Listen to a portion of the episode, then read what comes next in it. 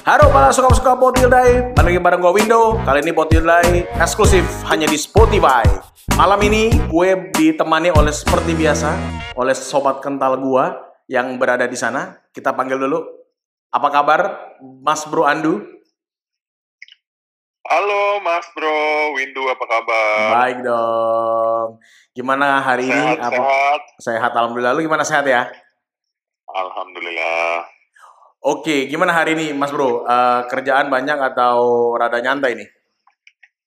Kerjaan santai, kerjaan banyak. Tetap semangat lah masa pandemi ini, Bos. Yoi, masa pandemi belum berakhir ya, Mas Bro. Sehingga kita tetap harus menjalankan prokes protokol kesehatan, mencuci tangan, memakai masker, menjaga jarak dan menjauhi kerumunan. Kali ini gua bareng Mas Bro Andu pengen ngomongin soal cinta itu menurut kita nih, menurut gua atau menurut Mas Bro Andu nih toxic nggak ya? Kalau sekarang lebih dikenal dengan mungkin sama nggak sih Mas Bro kalau menurut lu nih toxic sama toxic cinta sama bucin nih? Saya kurang tahu ya, karena kan saya kan anak milenial nih ya. Saya baru lahir tahun 2000-an. Iya iya iya iya. Malah ini sebenarnya kan Mas Bro, ini kan sebenarnya kan Iya. eh, bahasa milenial nih. Milenial sekali ya. ya milenial sekali betul. Mas Bro, kalau kalau kalau toxic eh, cinta kalau dibaca-baca di di referensi-referensi itu di hampir sama yang namanya dengan bucin ya. Bucin itu budak cinta. Artinya apa pun pasangan yang pasangan mau nih itu kita turutin. Misalnya nih jauh-jauh ke daerah Bogor misalnya kan, karena misalnya gue ngidam jagung bakar gitu, tapi harus di Bogor. Nah dari rumahnya yang di Bekasi lah, bela-belain pulang pergi tektokan sampai ke puncak ya, ke Bogor ya, hanya untuk makan jagung bakar manis. Kalau lu gimana Mas Bro? Pernah nggak sih ngerasain atau melakukan hal-hal yang bucin banget gitu loh? Sebenarnya ya waktu zaman masih muda itu pernah lah ya. Maksudnya memang yang penting buat eh, kita kan waktu itu bukan masalah jarak ya. Cie, jarak tidak menentukan kalau zaman dulu. Oke. Jadi dan dulu belum macet bos. Belum macet Sekarang ya? juga udah nggak macet sih lagi masa pandemi. Ya. Kan nggak macet juga ya. Cuman intinya eh, pernah aja. Cuman memang eh, tujuannya memang pada waktu awal-awal pasti wah punya waktu kesempatan berdua sama doi gitu. Jadi rasanya mau ke mana aja seneng. Jadi sebenarnya sih dibilang bucin juga bukan ya. Kayaknya memang seneng spend time aja. Spend time apa spend Ya, have a jalan-jalan bareng. ah itu lebih kalau lu bareng, ah, habis itu bisa ngobrol-ngobrol lah ya. ah I Bukan see. bucin lah kalau saya bilang. bukan bucin. Lu kalau lu mau lebih menganggap itu uh, you are having a very good quality time ya sama pacar lo ya, sama cewek lu ya. Betul, quality time aja. Dan itu kan ada kayak semacam memori ya. Jadi seneng gitu makan jagung bakar di luar gitu dan sebagainya kan itu kan sesuatu yang apa ya boleh dibilang enak gitu loh. Enak ya. Selalu memorinya. selalu kalau mau ke mana gitu selalu berdua ya sa ya untuk selain untuk having a quality time tapi juga mungkin untuk mengenal uh, satu sama lain ya. Betul, daripada satu sama dua, Wah, mendingan satu sama lain. betul. Kalau satu sama dua jadi enak kan?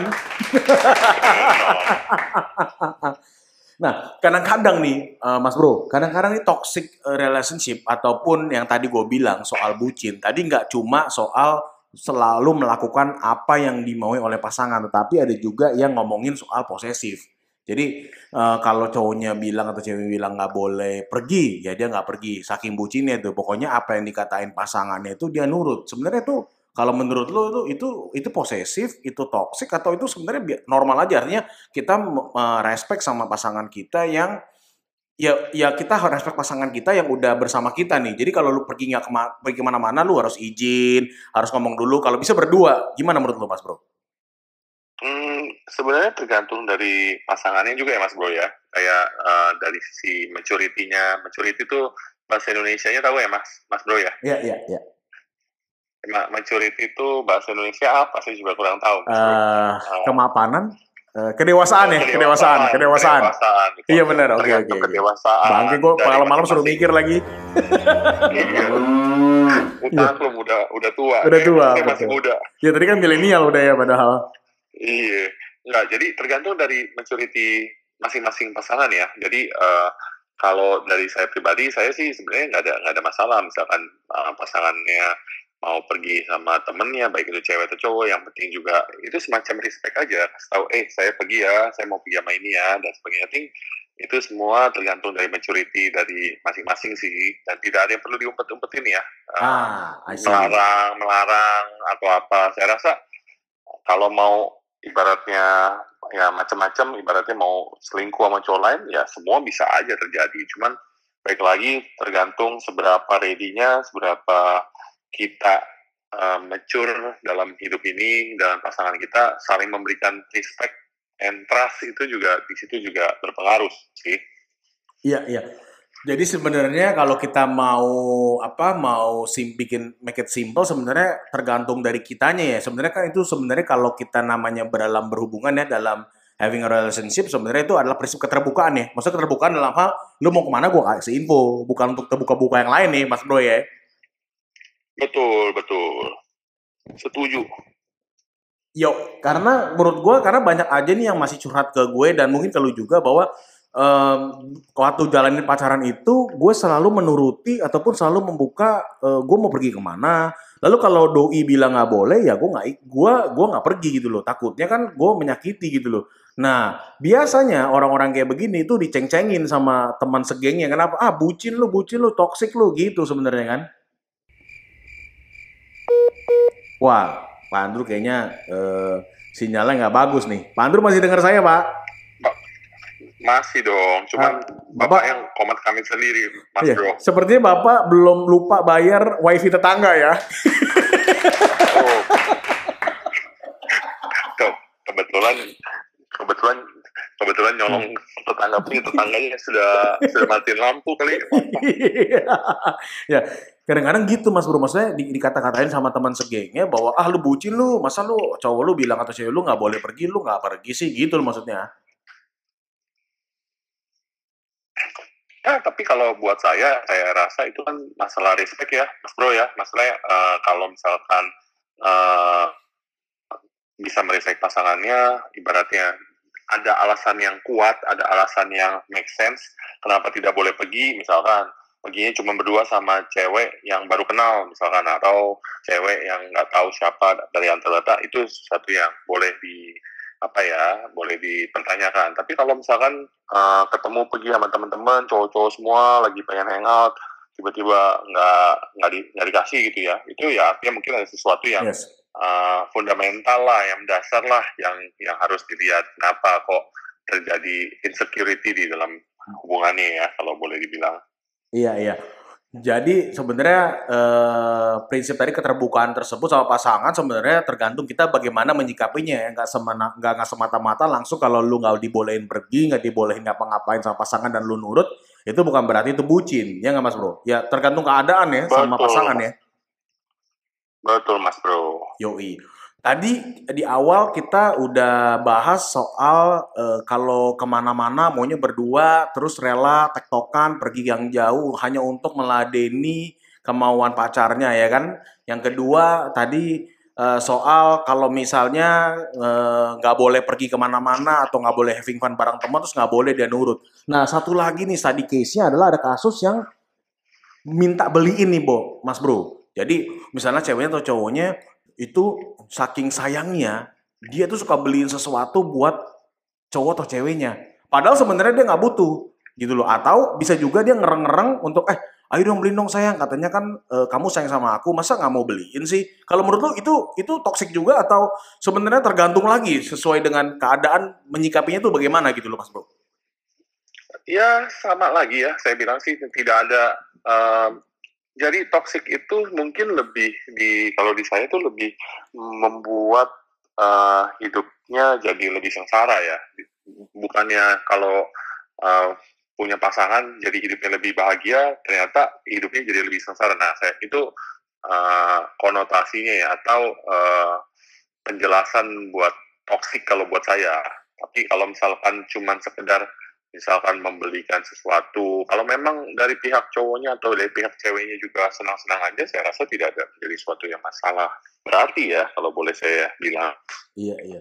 Berarti dari tiga yang tadi tentang poin-poin, ciri-ciri hubungan toksik ataupun uh, bucin itu sebenarnya bisa terpatahkan ketika kita tadi yang lu bilang ya, uh, bagaimana kita menyikapinya atau menganggap suatu hubungan kita tuh seperti apa gitu ya Mas Bro ya. Dan juga tadi gue gua tadi tertarik sama lu punya apa um, opini soal sengsara. Maksudnya gini, kalau memang you are willing to do it gitu ya untuk melakukan itu tetapi meskipun sengsara nih tapi you are willing lu tuh selalu punya komitmen untuk menjalaninya bareng-bareng dalam suatu hubungan itu bukan toksik ya tapi itu adalah suatu pengorbanan menurut gue ya. Gimana menurut lu mas bro? Betul.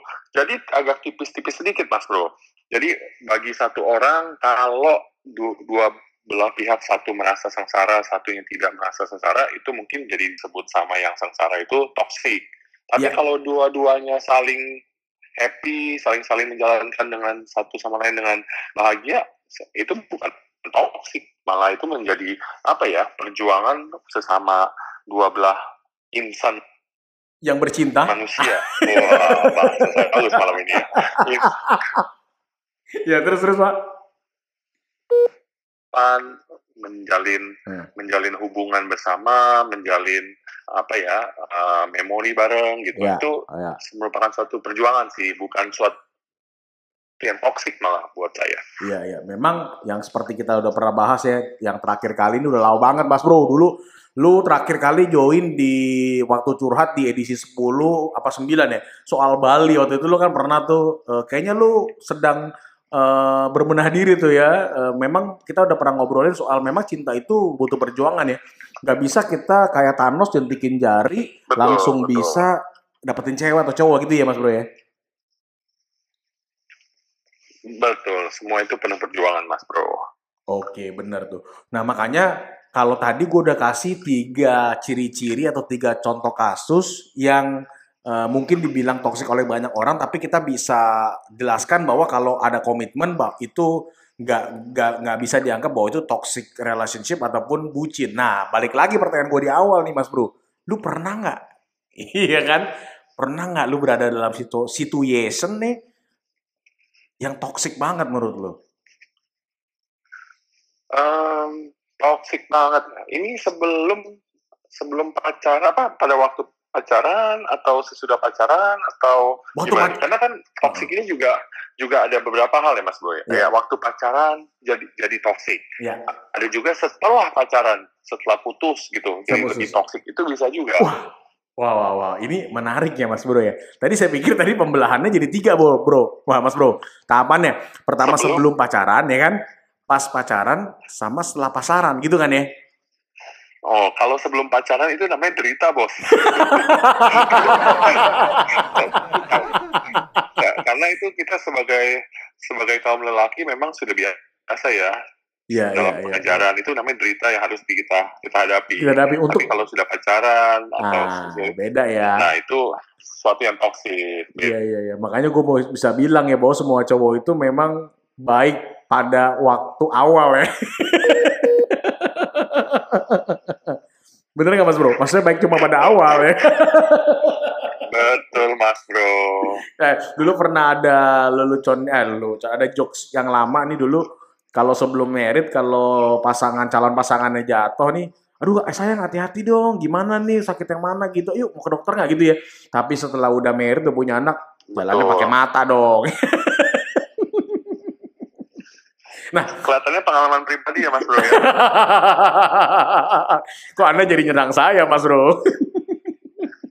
Oh iya dong, kelihatannya begitu Mas Bro, kelihatannya iya. punya pengalaman personal ini kayaknya Betul. sama terhadap nah, diri sendiri ya. Tadi gue, jadi sekarang gue mau balikin dulu nih. Tadi kan, tadi tadi gue gue ya, gue ya, sempat ya. tertarik sama yang lu bilang bahwa sesudah jadi sesudah pacaran nih, alias maybe udah jadi mantan, itu mungkin eh, bisa jadi jadi toxic ya. Artinya selalu keingetan doi, mau hubungin doi, mau mau mau keep in touch dengan doi gitu, pantengin sosial media doi atau begitu nggak Mas Bro? Maksudnya itu toxic juga gak sih kalau abis pacaran tiba-tiba harus putus, tiba-tiba keingetan terus jadi mantan, meskipun udah jadi mantan Mas Bro?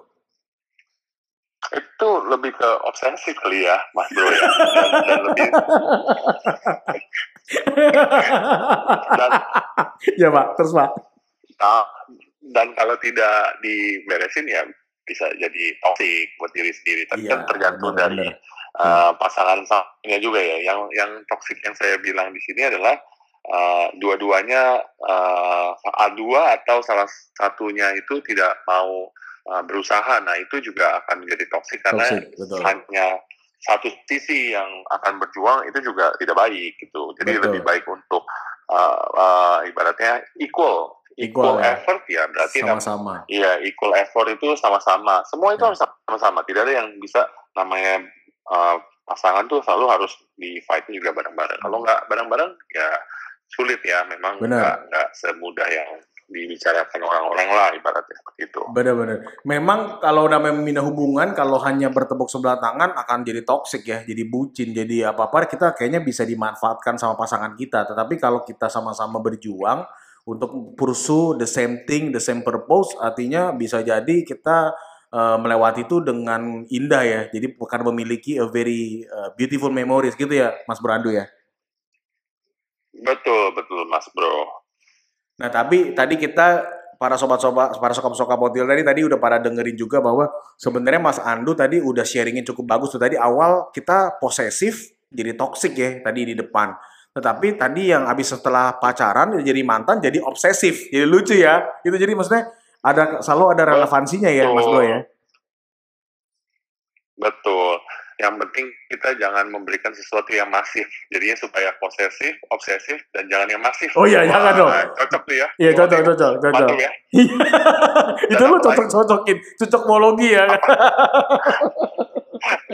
Dan, dan, satu lagi, Mas Bro, Ah. kalau terutama buat Mas Bro Windu nih, Iya. jangan dengerin lagu Dema, Demasi. Demasi. Nangis. Cinta ini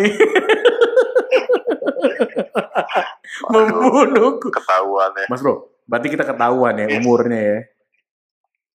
Eh, saya kebetulan lahir tahun 2002, jadi saya kurang begitu ngerti masalah, masalah ini. Anjim, itu berarti lu baru kurang- 18. Berarti gua ngobrol dengan orang yang belum cukup umur dong. Oh, saya baru dapat Iya, belum cukup umur untuk ngomongin soal toxic di cinta. Oh iya, iya. Maaf, maaf, maaf. Saya kebetulan baru pacaran satu kali, maaf, maaf. Oh iya iya iya. iya. Padahal di edisi sebelumnya kayaknya udah empat kali atau enam kali ya. itu kan rekor Oh, semua, iya, Mas Bro. iya. Gimana? Wah, ini di jejak digital nih harus di. Jadi digital nggak bisa diapa-apain, betul. Nah, Mas Bro Andu, sebelum kita sum up nih, ada nggak sih eh, kesan, kes, apa, bukan kesan ya, ada nggak sih nih kita eh, suggestion ke para pendengar kita nih bahwa dalam menjalani hubungan sebenarnya kita tuh nggak perlu toxic, tapi menjelaskan bahwa hubungan kita ini butuh komitmen, butuh berjalan sama-sama gitu loh. Ada ada ada ini nggak suggestion ataupun saran buat para sokap-sokap kita nih, Mas Bro dalam menjalani yang namanya atau dalam menghadapi toxic relationship atau bucin ini, Mas Bro? Kalau buat eh, sohib-sohib ya, apa sih sokap-sokap Sokap, ya? sokap, sokap. Kalau di sokap, oh ya. Ya untuk sokap-sokap, eh, kelihatannya kalau buat dari saya sih, em, perjalanan pasangan atau apa eh, percintaan ya, itu tuh harusnya dilewati dengan eh, lancar. Itu kalau misalkan ada sesuatu yang mengganjal dan yang lain-lain itu itu harus dibicarakan, harus dibereskan supaya tidak menjadi toksik hubungannya. Kenapa? Karena dua belah pihak itu harus saling mengerti bahwa ini suatu perjuangan. Perjuangannya bukan satu sisi, bukan uh, cuman satu orang yang berusaha, tapi dua dua belah pihak saling mengenal. Eh, saya kurang cocok nih sama situ, begini gini gini, bisa nggak ya? Nah, itu suatu komunikasi yang harus terjalin supaya tidak menjadi suatu hubungan yang toksik yang nantinya membahayakan buat hubungan dua orang tersebut juga. Mulai dikenal baik-baik tapi ternyata setelah dijalanin diam-diaman Ya. lalu bisa selesai jadi nggak berteman lagi. Nah itu yang agak susah. Nah saran saya sih ya dikomunikasikan dibicarakan selalu dicarikan jalan tengah. Kalau nggak ada jalan tengah ya berarti memang belum saatnya atau belum belum jodohnya. Ibaratnya ya mungkin harus ketemu orang lain dulu harus benar-benar belajar dengan uh, menjadi dewasa lebih lebih mandiri, lebih lebih dewasa. Nah itu juga suatu hal yang sangat memungkinkan ya ke depannya. Iya iya iya. Ini Mas Bro Ando ini bener-bener uh, wise banget, bijak banget ya. Kayaknya jam terbang dia nih doi ini udah cukup tinggi ya. Kalau melihat daripada relevansi umurnya. memang untuk 18 tahun memang terlalu agak sedikit dewasa memang. Sedikit dewasa ya. Iya iya iya iya. Oke, para sekam-sekam sekalian tadi kalau kita obrolan yang sangat menarik ini, yang kalau sama Mas Ambro Adu ini meskipun kita ngebanyol, kita lucu, tapi selalu ada insight-insight ataupun poin-poin penting yang bisa kita tarik. Misalnya tadi kata Mas Bro Andu, yang namanya hubungan itu tadi nggak perlu toksik tapi saling mengerti sehingga kalau tadi ceweknya atau pasangannya mau ke puncak atau ke daerah mana kita rela nganterin meskipun harus tektokan capek tetapi namanya komitmen dalam menjalin hubungan bukan toksik ya kemudian saling keterbukaan kalau lu mau pergi mau jalan sama temen lu izin dulu atau lu kasih informasi sehingga pasangannya nggak nyariin ini Mas Bro Andu ini memang luar biasa biasa di luar ya kalau kasih saran-saran ya saya sangat-sangat respect banget Mas Bro Andu terima kasih loh Mas Bro Andu udah selalu memberikan a very very good insight nih ya sama-sama Mas Bro Windu, semoga bermanfaat buat semua pasangan di luar dan semoga bermanfaat untuk yang orang-orang membutuhkannya. Asik, ini kayak gue kita kita kayak memberikan sumbangan ya orang-orang membutuhkan ya, orang-orang membutuhkan iya. ini ya um, saran cinta ya. Iya, saran cinta kayaknya sulit ya memang saya. Iya iya iya iya nggak apa-apa yang penting kita udah udah sharingin seperti biasa ambil yang baiknya buang yang buruknya. Mudah-mudahan bisa membantu para galowers-galowers di sana supaya jangan galau lagi dan kalau bisa menghindari yang namanya bucin. Oke, itu aja dari gua dan Mas Bro Andu. Thank you banget udah terus nyimak dan dengerin edisi-edisi yang ada di Potilda. Ingat selalu selalu menjaga uh, kesehatan, tetap menerapkan protokol kesehatan, mencuci, mencuci tangan, pakai masker, menjaga jarak dan menjauhi kerumunan. Selalu semangat dan tetap sehat dan tetap menggolkan podcast-podcast Indonesia. Bye.